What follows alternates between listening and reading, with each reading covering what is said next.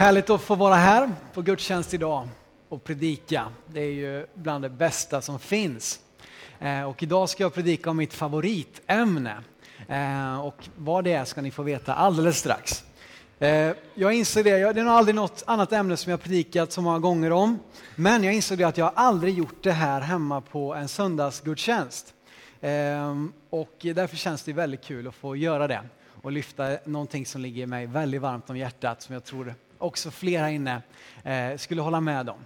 Först vill jag bara hälsa ifrån Åre. Vi hade, det är, jag tror det är 58 stycken med ledare och så eh, som är där uppe nu och eh, har en jättefin gård ett par mil norr om Åre. Och som nu ute, när vi är på gudstjänst då så är de ute och liksom bränner ner för de här fina välkammade pisterna eh, i det här vackra vintervädret. Så att, eh, det är ju Härligt att du är här i alla fall på gudstjänst och att inte alla åkte till Åre. Eh, men vi tror att det kommer bli en härlig vecka. Som sagt, så att var gärna med och be för det under veckan, alla som är där. Jag ska också passa på att bara säga det så att det liksom har blivit sagt härifrån att, att eh, jag kommer att resa till Benin på tisdag. Det är lite så här sista minuten, vissa åker ju till Flen eller någonting på sista minuten resa, men jag tänkte vi åker till Benin. Men jag har fått en förmån att, att följa med på en resa med Ove Lindeskär. Eh, så jag kommer att göra det på tisdag och vara borta ett par veckor, så vet ni om det. Eh, för er som inte gjorde det. Då. Så, men det kommer att bli alldeles utmärkt här hemma också, så att se till att vara med och fira gudstjänst och delta på alla olika sätt. Nu hörni, ska jag sluta prata om detta utan gå in då på detta ämne. Och jag tänkte jag skulle berätta för er om ett eh, lag som eh, under tre års tid var fullständigt överlägsna.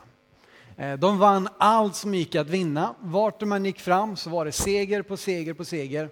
Från stad till stad där de åkte så var det överallt så vann de hela tiden.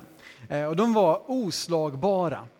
Vart de än kommit så hade de också mött en del motstånd. Det var många som försökte liksom klå på det här fantastiska teamet som på något sätt kändes oövervinneliga. Ehm, men de lyckades inte.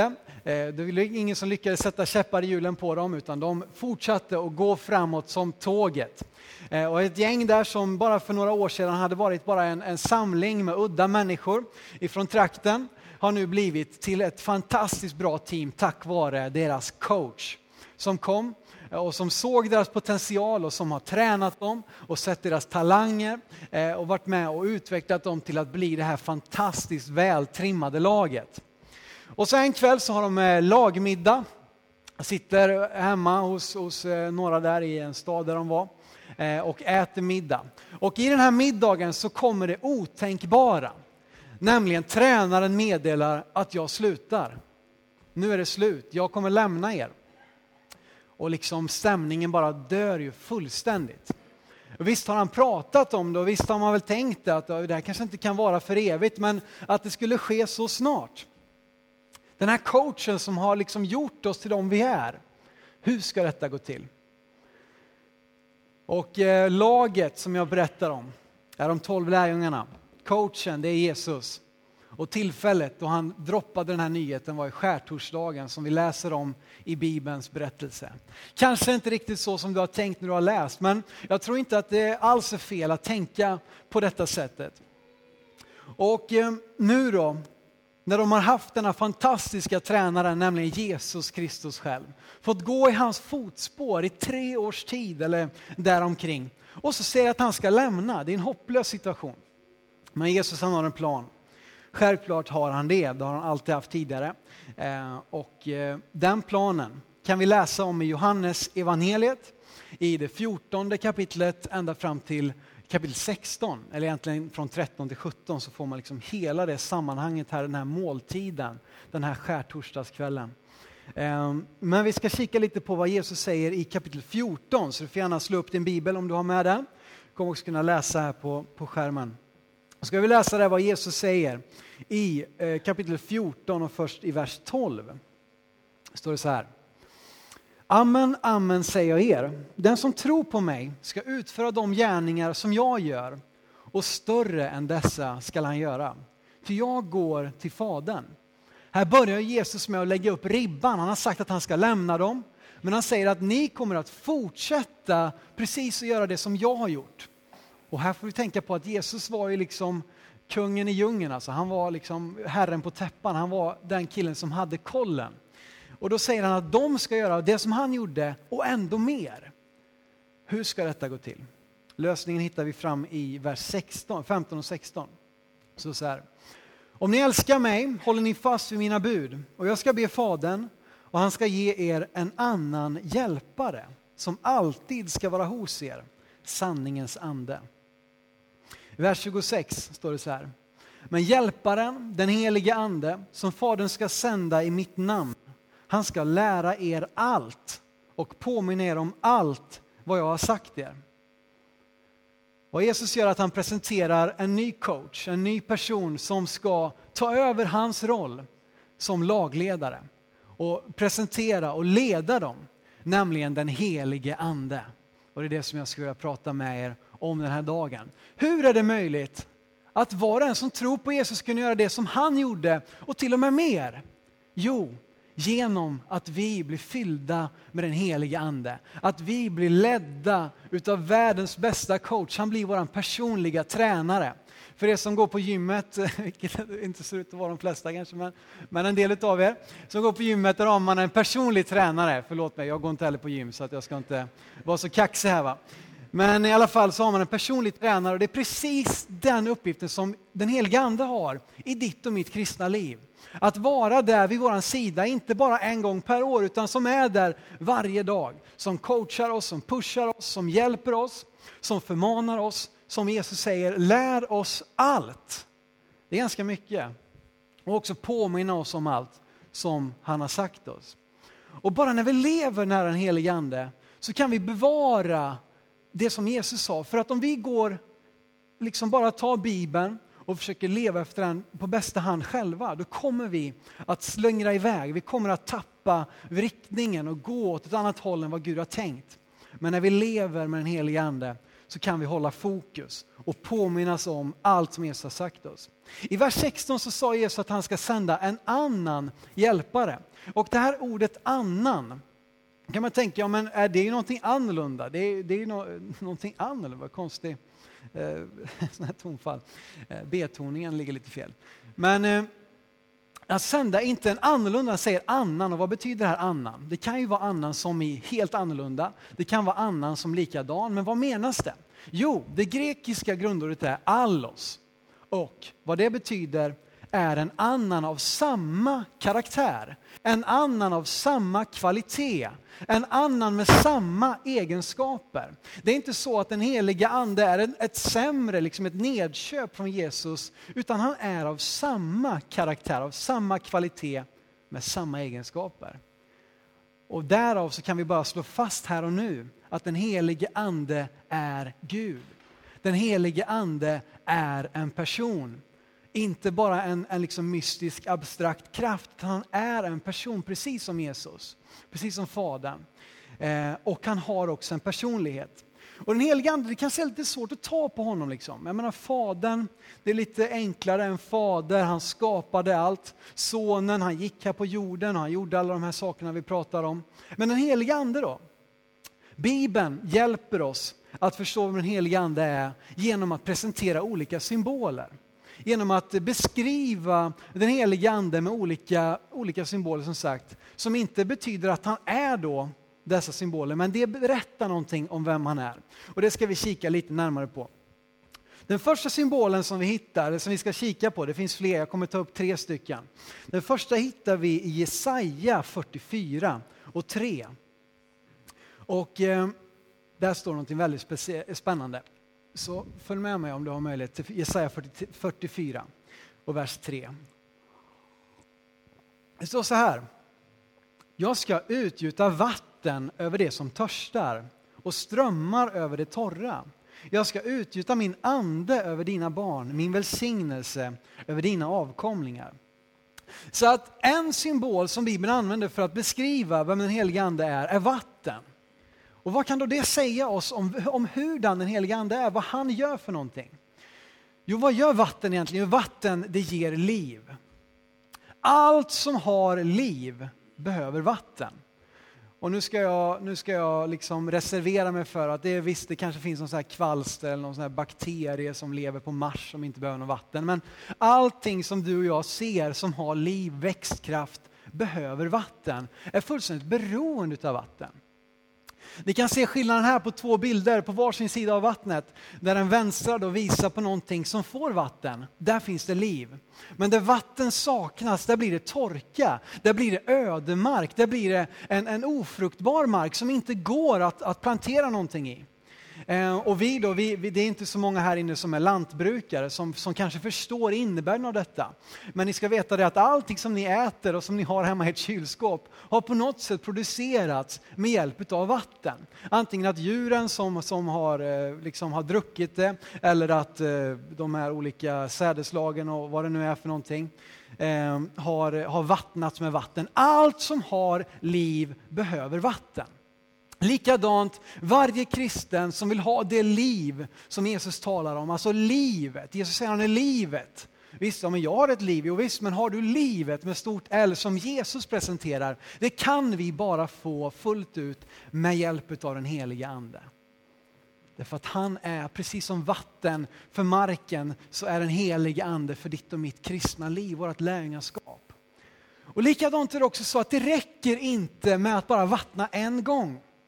Ehm, när vi var nere i, i, i, bodde i Afrika, då märker man detta på ett väldigt mycket påtagligare sätt, där människor är så mycket mer beroende av att om det inte regnar den här säsongen, då kommer vi att svälta. Så allvarligt är det. Jag menar, vi är importerade och vi, vi har massa regn och snö och allt vad det är här uppe, så att vi liksom upplever inte det. Men för många människor är detta en, en verklighet, att om inte regnet kommer, så kommer jag och min familj, mina barn, mina föräldrar att svälta. Ehm, därför att det räcker inte att vi hade en kanonbra skörd för tio år sedan. Det räcker inte att det var en liksom rekordskörd när jag var 18 år. Då vet ni, då var det härliga tider. Då bara skördade vi så det stod friskt till. Alltså, det var underbart. Utan, och på samma sätt då, så räcker det inte att vi en gång hade en upplevelse av den Helige Ande.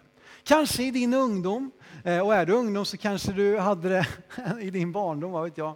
Eh, men du har kanske minnen av det från speciella tillfällen, eh, något speciellt möte eller någon konferens eller någonting där du verkligen upplevde den helige Andes vatten i ditt liv. Men vet du, om det inte har regnat sedan dess på ett år eller två år eller tio, tjugo år så betyder inte det att, att, liksom, att, att allting är okej, okay, utan vi behöver den helige Ande gång på gång på gång. Vi behöver fyllas av den helige Ande, vi behöver vatten ständigt. Och för oss som människor då, som ju inte är några växter, så vet ni att vi klarar oss bara några få dagar utan vatten. Sen dör vi av uttorkning. På samma sätt, jag tror att det är lika kritiskt faktiskt inte bara att liksom kalla sig kristen, då behöver vi inte det här vattnet, men för att leva det livet som Jesus talar om, att få göra det som han gjorde, så behöver vi vatten, därför att vatten är en färskvara. Vad finns det mer för symboler då på den helige Ande? En symbol som är kanske ganska sådär påtaglig, inte minst inom, eh, inom pingstsammanhang, är ju en symbol vi hittar i Matteus kapitel 3 och vers 11. Och det är eld. Nu är ju Martin uppe i Åre, en av våra pastorer här, men han älskar eld. Så att det kanske är bra att han inte är här idag så att han inte liksom blir för ivrig här nu när vi börjar prata om eld och vad det kan göra. Så här står det då i Matteus kapitel 3 och vers 11. Jag döper er, nu är det Johannes döparen som talar. Jag döper er i vatten till omvändelse, men den som kommer efter mig, alltså Jesus, är starkare än jag. Jag är inte ens värd att ta av honom hans sandaler. Han ska döpa er i den helige ande och i eld. Så att en symbol för att beskriva det som den helige ande också gör är elden. Och vad gör elden för någonting? Jo, för det första så renar elden. Vet ni, det, det, står mycket, ni som har läst i Bibeln mycket vet att det står så här om att, eh, att det ska renas som genom eld och sådär. Men eh, kanske att, eh, att ehm, du som jag har varit liten och, eh, och gillat att elda och man, liksom, man slänger i alla möjliga grejer. Och då kan man se det att bara, det är inte allting som kan liksom stå emot eldens lågor, utan det allra mesta, om det bara blir tillräckligt varmt så kommer det att rensas bort, det kommer att förkolnas eller försvinna. Kanske vissa metaller som kommer fram. Men likadant då, om du har en fin så här, klump med guld som är liksom både slagg och det är lite allt möjligt, men så är det den fina gulden. Vad gör man då? Man stoppar den i elden. Och när elden får tag på den, då börjar det att rena. Det börjar att bränna bort det som bara är slagg på den här guldklumpen och kvar finns guld utav finaste kvalitet. Och likadant är det så i våra liv. När den helige ande börjar verka i dig och mig så bränns det här slagget, synden, bort i våra liv. Genom den helige ande. Och du och jag kan gå och bära på en massa saker, men när vi konfronteras, när det där möter den helige ande, så bränns den där synden bort och vi får bli nya skapelser. Och det är det som verkligen är av något värde. Det som är gudagivet, det som han har planterat i oss var och en, det kommer fram när elden får börja och jobba med oss. Och nu, nu förstår ni att jag är inne på symbolik här. Så vi ska inte börja elda någon här, utan ni kan vara helt lugna. Vad mer gör man med elden? Jo, när man har rensat bort slaggen och man har den här fina metallen kvar, då börjar man att forma. Då börjar man att banka till den som smeden gör på bilden här bakom. Då tar man den metallen, stoppar in i elden och så kan man forma den. Man kan forma föremålet till att bli någonting som är vasst, någonting som är, som är liksom bräckliggjort. Någonting som från början bara var en klump i, eller någon, någon slags malm, jag kan inte alla begrepp riktigt, men någonting som från början bara var en malm har nu blivit ett redskap som kan bli till nytta, som kan göra skillnad, som kan användas. Man kan göra olika verktyg, man kan göra olika hushållsredskap. Men genom elden så kan det formas till att bli någonting utav värde. Och så är det också med dig. Du har kvaliteter i ditt liv. Du har gudagiven potential nerlagt i dig. Men först när den helige ande får börja verka så kan det där formas till att bli det som Gud har tänkt. Vi kan försöka vår egen kraft, men jag lovar dig att när du möter, när du blir fylld med den helige Ande, så kommer det att bli på ett mycket vassare sätt. Det som tidigare var som liksom en, en smörkniv blir som ett, eh, liksom ett sylvässat svärd alltså, i, i, i den bemärkelsen. Därför att elden formar och slipar och Jesus talar gång på gång om det. Att genom den helige Ande så får ni kraft. Ni blir skickliggjorda att bli mina vittnen, ni blir skickliggjorda att få vara i tjänst för mig. Och så är det när Guds eld får jobba med oss. Det behöver inte vara någonting skrämmande, någonting som, som eh, liksom ska jaga bort oss, utan tvärtom är det någonting positivt och kraftfullt. Någonting mer då som elden gör, jo den sprider sig. Det vet ni att, eh, jag vet inte om ni har sett såna här eh, filmer från Räddningsverket när man har såna här filmer där de har bara ett sånt här e-, enstaka ljus. Ett värmeljus eller stearinljus och så välter man ner det i en soffa eller något sånt där. Och så bara på några få minuter så är hela rummet övertänt utav elden. Och om man inte stoppar det så kommer det snart att sluka hela byggnader eller till och med hela kvarter. På 1800-talet så utvandrade en irländsk kvinna till Chicago i USA. Och eh, eh, precis som väldigt många andra irländare och även svenskar, man åkte till USA för att söka lyckan. Hon bosatte sig i alla fall i Chicago i ett litet hus. Eh, och runt klockan nio på kvällen, söndagen den 8 oktober 1871, så går hon omkring in i sitt lilla hem med, med sån här lykta eller sån här oljelampa eller liknande. Hon går omkring där och så ställer hon ner den inne där hon har sin kossa. Eh, hon ställer den, det är halm där inne och det är trä och så vidare. Eh, och när den står där så sparkar kossan till den här lampan så att den faller ner i halmet då, eller vad det nu var som tog fart först.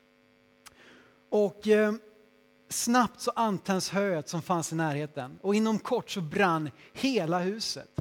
Dessutom så blåste det den kvällen i Chicago så att inom kort så spred sig elden ut över hela staden. Och inom 48 timmar så hade ett område på 3 gånger 8 kilometer brunnit ner och det var två hus som stod kvar på det området. På 48 timmar ett område som härifrån till, eh, ja, förbi Skultorp skulle jag tänka mig. Och så liksom på bredden och så. De bara brann ner, allting från den här lilla, lilla lampan i den här kvinnans hus. Och så är det när du får tag på den helige ande, när hans eld börjar brinna i ditt hjärta, då kan du tyckas vara bara som en liten tändsticka eller som ett litet värmeljus. Men när det är Guds eld som brinner så kommer det där att sprida sig. Och det kommer att antändas i våra hjärtan och fler och fler och fler kommer att drabbas av det. Och många, många fler människor kommer att få göra samma upplevelse och också bli brinnande i en positiv bemärkelse. Elden den renar, den formar och slipar och den sprider sig på ett fantastiskt sätt. Så drömmer vi om en tillväxt i den här församlingen, drömmer vi om att få nå längre än vad vi har gjort idag, så är det dags att vi börjar be att den helige Ande får verka i oss. Att vi börjar söka honom, hans vägledning och hans eh, liksom, kraft i våra liv. Att vi får fungera i Andens gåvor. Därför att det är det som överbevisar människor om rättfärdighet, synd och dom som det står i Johannes kapitel 16. Um, ehm, vad, gör då, vad finns det mer för symboler för den helige Ande? I Bibeln så finner vi oljan som en symbol för den helige Ande. I första Samuelsboken kapitel 16 eh, så kommer vi hem till Isais hus. Eh, och Isai var ju eh, pappa till kung David. Men vid det här laget så var han bara en enkel herdepojke, den minsta i syskonskaran. Men han var utvald och här så kommer vi in då när profeten Samuel har kommit hem till Isais hus och efter att ha kollat alla bröder så har de kommit ner till David och Gud säger till Samuel, där är han, han ska bli kung för Israel. Och så står det så här i första Samuelsboken 16 och vers 13. Då tog Samuel sitt oljehorn och smorde honom mitt ibland hans bröder och Herrens ande kom över David från den dagen och framöver. Så att genom hela Bibeln så är oljan ett, en symbol för den heliga Ande. Att, hans, att det liksom är som att Guds kraft blir på något sätt utgjuten över en människa. Eh, och det står här att från den dagen så verkade Guds ande genom David på ett speciellt sätt. Och i och med Jesus då dog, han sa att han ska sända oss, så har det blivit tillgängligt inte bara för kungar, profeter och präster, utan den heliga ande är tillgänglig för varje troende som tar emot Jesus i sitt hjärta. Och då kan Guds olja på samma sätt få smörja dig till det som du är tänkt att bli använd till. Och jag vet inte om det är någon här inne som tycker om att meka med, med cyklar eller meka med bilar eller, eller någonting annat sådär va. Och då vet ni det, att när någonting har börjat rosta, när någonting har börjat att förfalla, så tar man bara liksom 556 sån här sprayolja och så sprayar man in det bara fullt så det flödar riktigt. Så helt plötsligt den där skruven som var som liksom fastgjuten bara släpper därför att man har tagit på olja. Eller om det gnisslar i gångjärnen så får man på samma sätt smörja det med olja så slutar det att gnissla och det går som smort. Så att när den helige Ande är som olja så vill han på samma sätt i våra liv där det är knaggligt, där det går lite trögt, där det har rostat igen. Så när den helige Andes olja börjar fungera i våra liv så kommer vi uppleva att det som tidigare var trögt, det som tidigare var liksom en, en stor kamp börjar helt plötsligt att gå så mycket enklare. Och jag minns när jag blev andedöpt att det var en sån skillnad på före och efter min bibelläsning till exempel. Jag hade läst bibeln i några år tidigare och liksom försökt traggla mig igenom från perm till perm och läst något kapitel om dagen och hoppat över alla de här släkttavlorna och allt vad det var för någonting och liksom kämpa mig framåt. Men när jag blev andedöpt så önskade jag mig en stor och fin bibel. Och jag började läsa den som aldrig förr och helt plötsligt så såg jag sambanden. Det som förut bara hade varit en religiös vana, eller så här, för att ja, men det ska man väl göra om man går i kyrkan, ska man läsa Bibeln. Helt plötsligt så var det som att bokstäverna liksom hoppade ut ur sidorna. Och jag började se, ja men det är så här. Ja men så här står det ju där också. Och det började liksom att verka. Likadant tidigare när jag gick i min skola så, så, så fort någon av mina kompisar tog upp det här med Gud och Jesus så blev jag aggressiv. Vet ni. Jag, även då så kunde jag liksom eh, debattera och argumentera. Men då, tog jag, då blev jag nästan alltid så här aggressiv i min, i min diskussion. Liksom. Och, ja, men, vad, vad, men det ska väl, ni fattar ju ändå inte och så vidare. Och jag liksom kunde inte riktigt nå fram till dem, utan tvärtom så blev jag arg när de frågade mig om min tro. För de fattar ju liksom inte. Men när jag blev döpt i den helige Ande, så efter det så, så, var det liksom den bästa stunden på dagen när någon skolkamrat frågade om någonting i kyrkan. Och istället för att fyllas med vrede och liksom ilska att de inte fattar, så bara fylldes jag med kärlek och började beskriva. Och då, då upptäckte jag också att de här bibelorna jag hade läst, de bara poppade upp så här pop, där, ja men i Bibeln står det så här och där står det så här. Och, och du vet att den heliga Ande bara började verka. Eh, och det gick som smort, det som tidigare hade varit så trögt. Och då kan man också smörja upp ett par gamla eh, skitiga kängor. Och de som håller på att spricka i lädret kan bevaras. Den heliga Ande bevarar också, inte bara eh, som sagt, återigen då behovet av att smörja gång på gång. Eh, våra, ja, det som vi har. Så det här är tre stycken symboler som Bibeln har för den helige Ande. Det finns många fler. Bibeln beskriver den helige Ande som en vind, som, som vin, som en duva och andra saker också, ett sigill och så vidare. Och alla de här sakerna kan beskriva för oss vad Gud vill göra i våra liv genom den helige Ande. Så studera gärna detta och håll liksom ögonen öppna för där Guds ande omnämns och försök förstå hur det där kan tala till oss och hur det kan hjälpa oss i livet med Jesus. Men då, nu är den stora frågan, hur får man tag på detta? Eh, hur blir detta mitt? Hur blir detta mer än bara ord? Jo, genom andedopet. Och eh, vi ska läsa i, i Lukas eh, kapitel 24 och vers 49. Det står fel där, det står 29, det ska stå 49. Här så håller Jesus på och talar med eh, sina lärjungar eh, och han ska lämna dem. Det här är något av det sista han säger. Så säger han så här då i Lukas 24, 49. Se, jag ska sända er vad min fader har lovat. Men ni ska stanna här i staden tills ni har blivit beklädda med kraft ifrån höjden. Beklädda med kraft ifrån höjden. Det som Fadern hade lovat det var att sända det vi läste om i Johannes 14, den helige Ande. Vi har profetier om det i Joels bok, i Gamla Testamentet och på många andra ställen, Jesaja 44 som vi läste, där Gud lovar och här är löftet på väg att infrias. Apostlagärningarna 1 och 8 är också ett sånt här välkänt känt, eh, bibelord just om det sista Jesus säger till sina lärjungar innan han lämnar dem säger han så här, när den helige ande kommer över er ska ni få kraft och bli mina vittnen i Jerusalem, i hela Judeen, Samarien och till jordens yttersta gräns.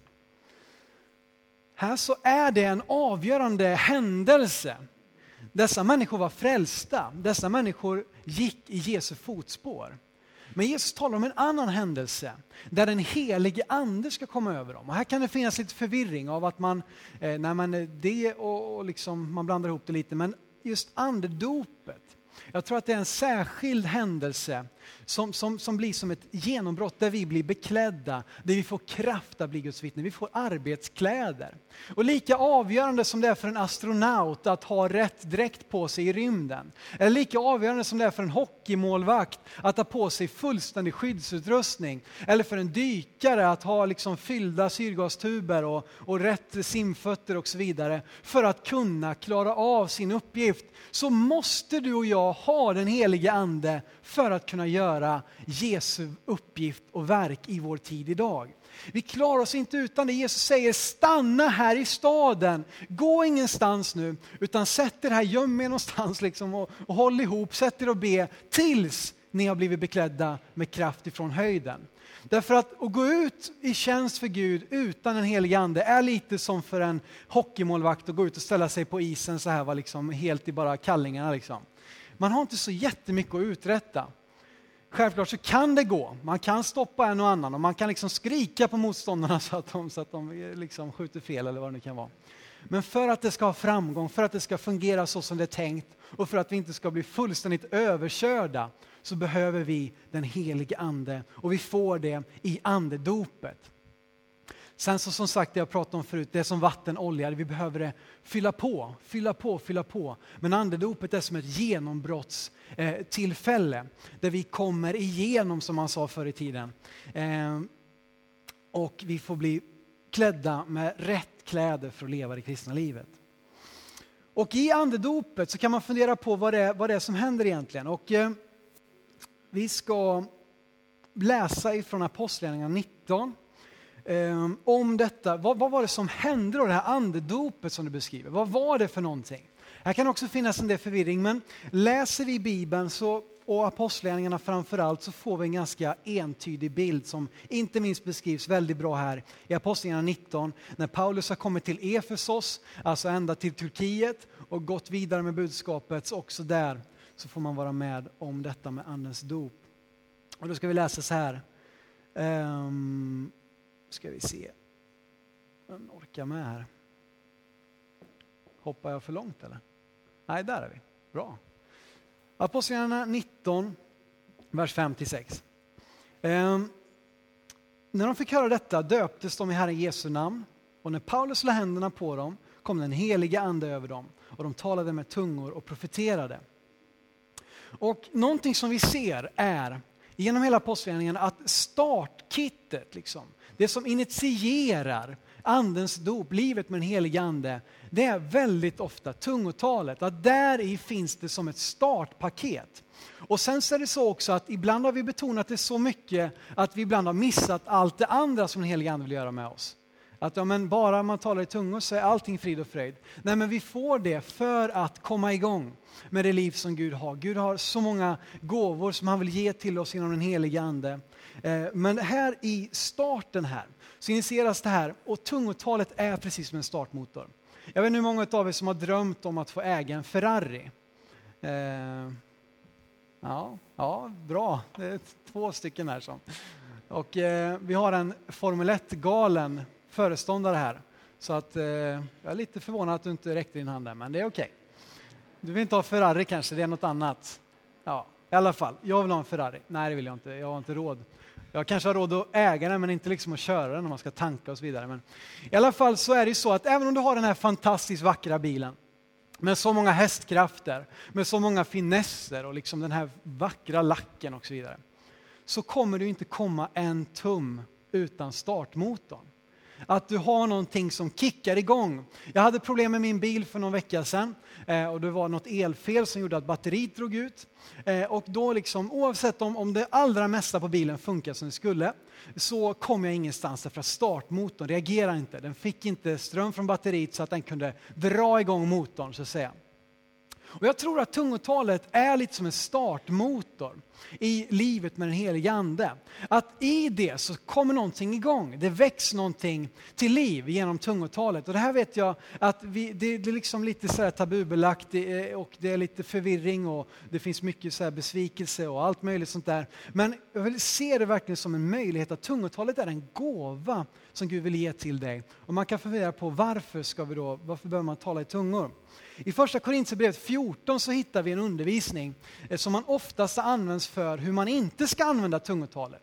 Eh, men det finns också mycket anvisningar för hur man kan använda det och vad det är till för. Vi läser först där i vers 2. Står det så här. Den som talar tungomål talar inte till människor utan till Gud. Ingen förstår honom när han i sin ande talar hemligheter. Så när vi talar i tungor då talar vi med Gud. Och inte nog med det, vi talar hemligheter med honom. Eh, och vi, det, på det sättet så fördjupas vår relation med Gud genom att vi talar i tungor. Eh, och ibland då så vet man inte vad man ska be, ibland så tar det stopp efter 30 sekunder. Men det var också en sån där sak som var en sån skillnad i mitt kristna liv efter att jag blev andedöpt. Att nu kunde jag be, inte bara i en minut liksom, och sen så hade jag använt alla ord som jag kunde. Eh, och börja liksom säga så här, alfabetet, så här, A, B, C och så vidare och så får Gud sätta ihop det själv. Då, så här. Utan Gud vill ge dig en hjälp i ditt kristna liv. Och tungotalet är en hjälp, det är ingenting vi behöver vara rädda för. Det är ingenting som vi behöver liksom ha någon stort så här tabubelagt eh, grej om att nej men oj, hoppas nu ingen hör mig tala i tungor. Sen så ska vi använda det visligt, därför det står också att det är ingen annan som fattar dig när du talar i tungor. Eh, så att därför så liksom, eh, det finns någonting, men det är till för vårt böneliv där vi kan få tala i tungor, där vi kan få växa. Och det är också någonting vi kan använda tillsammans. I Judas brev, vers 20 står det, uppbygg varandra på er allra heligaste tro be i den heliga Ande. Så också när vi kommer samman med systrar och bröder i, i olika sammankomster så kan vi byggas upp när vi använder våra tungotal, vårt bönespråk tillsammans. Och det är egentligen det det är, ett bönespråk. Vidare då, vi fördjupar vår relation och det står också så här i vers 4 i, i första Korinthierbrevet 14. Den som talar tungomål uppbygger sig själv, men den som profiterar uppbygger församlingen. Ehm, alltså varenda kristen människa som behöver byggas upp, som känner för att jag vill utvecklas i mitt liv tillsammans med Jesus, kan alltså få använda tungotalet som en hjälp till det. Och då är det inte så att tungotalet är liksom lösningen på alla problem, men det är en hjälp och det är en gåva till varje troende att ta emot. Vi ska börja runda av här nu. Ehm, och frågan är ju nu bara, hur tar man emot detta? Vi har sagt allt detta fantastiska som den helige Ande vill betyda för oss, som vatten, som eld, som olja. Vi har talat om att vi kan få det genom Andens dop, där vi får ett tungotal, ett bönespråk, som liksom en startmotor. Vi vet att startmotorn sen öppnar upp det för en helt värld av nya möjligheter. Ehm, men hur kan jag ta emot detta? För det första vill jag säga att Andens dop är en gåva. Det är inget diplom, det är ingenting som man får efter lång och trogen tjänst. Utan när vi läser i Apostlagärningarna så ser vi att det är någonting från början. Någonting som initierar det kristna livet. Ehm, och det är en gåva till varje kristen människa, till varje troende. Varje människa som tar emot Jesus har också tillgång till en helig ande. Och jag skulle bara vilja skicka med några punkter. Jag säger inte att detta är fullkomligt, det är absolut inte. Gud kan döpa helig ande på hur han vill. När vi läser Bibeln så ser han att till och med Johannes döparen blev döpt i helig ande inuti sin mammas mage. Eh, vi kan bli det i dopet som Jesus, vi kan bli det under bön, vi kan bli det under predikan som när Petrus predikar hos eh, Cornelius och hedningarna. Eh, vi kan bli det som liksom efter lång bön, vi kan bli det på så många olika sätt. Men någonting som, som jag tror kan vara en hjälp kan vara några av de här punkterna som jag skulle vilja avsluta med. För det första så måste vi längta. Eh, I Apostlagärningarna 1, 4 och sen så hoppar vi fram till vers 14 står det så här återigen Jesu ord då. Lämna inte Jerusalem utan vänta på vad Fadern har utlovat, det som ni har hört av mig. Vers 14. Alla dessa höll endräktigt ut i bön. Det fanns en längtan. De var samlade i tio dagar. Eh, en skara som kanske minskade, den minskade definitivt från hur många som hade följt Jesus. Men här fanns det en skara på 120 som sa att vi ska hålla ut. Vi längtar så mycket efter det som Jesus sa för oss så att vi kommer att be, vi kommer att fortsätta be och vi kommer att fortsätta be, vi kommer att fortsätta längta tills vi får det som Gud har utlovat. Så det är det första, att längta efter det. Och jag tror att det är ett visst problem, att vi ganska många gånger är nöjda nöjda eller likgiltiga som kanske är lite hårdare ord för egentligen samma sak. Men att vara nöjd, det tror jag är ett väldigt stort hinder för att ta emot ifrån Gud. Genom hela Bibeln fyllt av människor som längtar efter en räddare. Ofta så tror de ju att det ska vara någon annan. De ber om att Gud ska sända någon annan. Men de människor som har en längtan kommer Gud att säga, men dig vill jag använda. Du vet att Gud verkar genom oss, inte först och främst på grund av talang och erfarenhet, utan först och främst på om vi har hjärtan som längtar efter honom, som längtar efter att han ska verka i oss. Vad mer då? Jag tror att vi behöver bekänna. I första Johannesbrevet 1 och 9 står det så här. Om vi bekänner våra synder så är han trofast och rättfärdig så att han förlåter oss våra synder och renar oss från all orättfärdighet. Det är också någonting, tror jag, att det kan också stå i vägen när vi inte vågar bekänna det som vi har i våra liv som är, är synd, som är fel. Eh, eh, därför att den helige Ande kommer inte att dela plats i ditt hjärta med någon annan människa. Den helige Ande vill vara din och min vägledare. Han vill inte att du har en massa andra coacher som gör att du liksom halkar iväg i träningsschemat och gör någonting helt fel och äter fel och tränar fel och lyfter fel och allt vad det är. Utan han vill ha full access till dig. Och därför behöver vi många gånger tror jag, bekänna Gud, jag har gjort fel. Och när vi gör det så är han trofast och rättfärdig och förlåter oss. För Det tror jag kan vara någonting och där kan vi behöva bekänna bitterhet, oförlåtelse, högmod. Massa olika saker som vi kan ha i våra liv eller olika bitar vi kämpar med. Det är inte som att vi måste vara perfekta, men vi måste erkänna vår brist och ta emot Guds förlåtelse. Någonting vidare då, att be om det. Lukas 11.13 står det så här, om ni som är onda förstår att ge era barn goda gåvor, hur mycket mer ska då inte er fader ge av den helige ande åt dem som ber honom? Jag undrar hur många utav Guds gåvor som Guds församling har gått miste om därför att vi inte har bett honom om det jag undrar hur många, liksom, hur stort vårt julklappsberg eh, liksom, berg är av gåvor ifrån Gud själv som vi har gått miste om därför att vi inte vågar be om det. Nej, men inte vill väl Gud. Inte vill väl han och inte ska väl jag och inte gäller det väl mig. Men om vi då, vi slår nytt rekord varje år känns det som i hur mycket vi har haft i julhandeln. Om vi förstår att liksom öka vårt givande, vi då som är liksom onda och bristfälliga, hur mycket mer ska då inte Gud ge av sin heliga ande åt vilka då? De som ber honom. Och det kan vara du och det kan vara jag, just den här gudstjänsten. Vidare, tro. Första Johannesbrevet 5, 14, 15. Detta är den tillit vi har till honom. Att om vi ber om något efter hans vilja så hör han oss. Och när vi vet att han hör oss, vad vi än ber om, så vet vi också att vi redan har det som vi bett honom om. Vet du, allting som vi får ta emot utav Jesus börjar med våran tro, hjärtats tro, som föder någonting. Vi är frälsta av nåd genom tro, att vi säger vårt ja Jesus, jag tror på dig. Och du måste våga tro på att Andens dop gäller dig. Du måste våga tro på att hans löften är också till för dig. Därför att allt det här blir bara en ritual, det blir någon slags grej om vi inte har hjärtats tro med i det. Och den kan ingen annan ha i ditt liv än du själv. Vad sedan då? Jo, börja tala. Apostlagärningarna 2.4. Efter dessa tio dagars bön, efter dessa många års eh, vandring med Jesus så kommer de fram till detta avgörande ögonblick. De uppfylldes alla av den heliga ande och började tala främmande språk, allt eftersom anden ingav dem att tala. Och det här vet jag att det kan vara något som skrämmer. men hur ska jag kunna? Men det känns som att det är jag som pratar. Ja, men det är du som pratar, om man då kommer till det här med, med tungotalet. Ja, men det känns som att jag bara hittar på. Um, men där tror jag att Gud ger oss orden, men det är vi själva som säger dem.